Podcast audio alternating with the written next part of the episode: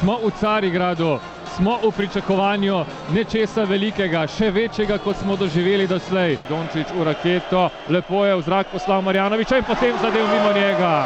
Kaj ti pomaga 221 cm, če proti tebi igra najstnik s toliko domišljije, kot jo ima Luka Dončić. Trojka prepelič z 8 metrov, dvignil se je vmes, sprožil, žoga se je še obotavljala na obroču, vendar popeljala Slovenijo spet v vodstvo. To je Luka Dončić poslala mu iz svojega do nasprotnikovega obroča in zabija z eno roko prek Joviča. Kakšen slalom, kakšen šprint in nadaljuje se napad in z devetih metrov prepeliš, pa to je bilo skoraj da sredine igrišča.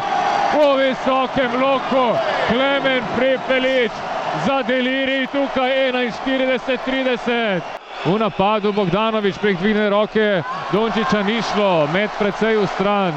Spet poskuša s trojko, Dragič spet trojka, spet trojka Gorana Dragiča, z Luko Dončičem proslavljata. To je tekma posebne vrste, povsem drugačna kot vseh osem prej, ki smo jih odigrali do zdaj.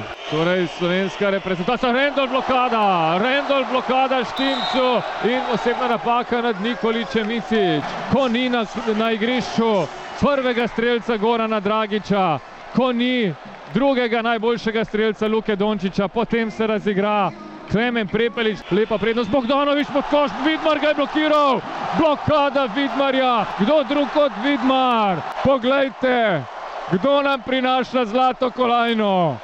Aleksej Nikolič je zadev prvi poskus. 35 sekund, 80 do konca. Aleksej Nikolič tudi v drugo. Aleksej Nikolič je šokiral Evropo. Hladno krvno. Hladno krvno je zadev Aleksej Nikolič. Slovenija slavi, konec je, konec je, 5 sekund, vendar vsi so se ustavili na igrišču, vsa slovenska reprezentanca.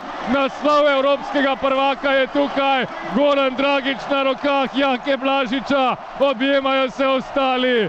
In tu smo, v raju smo, v košarkarskem raju. Slovenija najboljša na stari celini.